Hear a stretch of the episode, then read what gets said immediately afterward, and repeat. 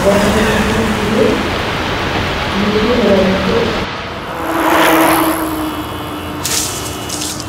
emosi bisa, asal ikhlas. Tujuan Anda karena Allah.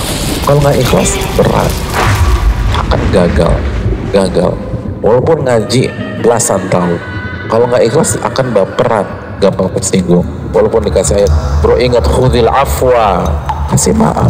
Lupa udah. Dan nggak diangkut tuh ayat. Akhirnya sikapnya nggak ilmiah. Kita ingin jadikan ilmu dan fikih sebagai karakter yang pertama kali lihat.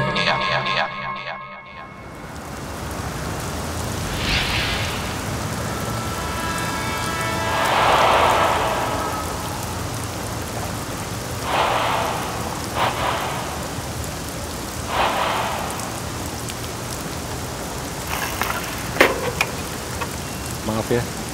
Ya nggak apa-apa.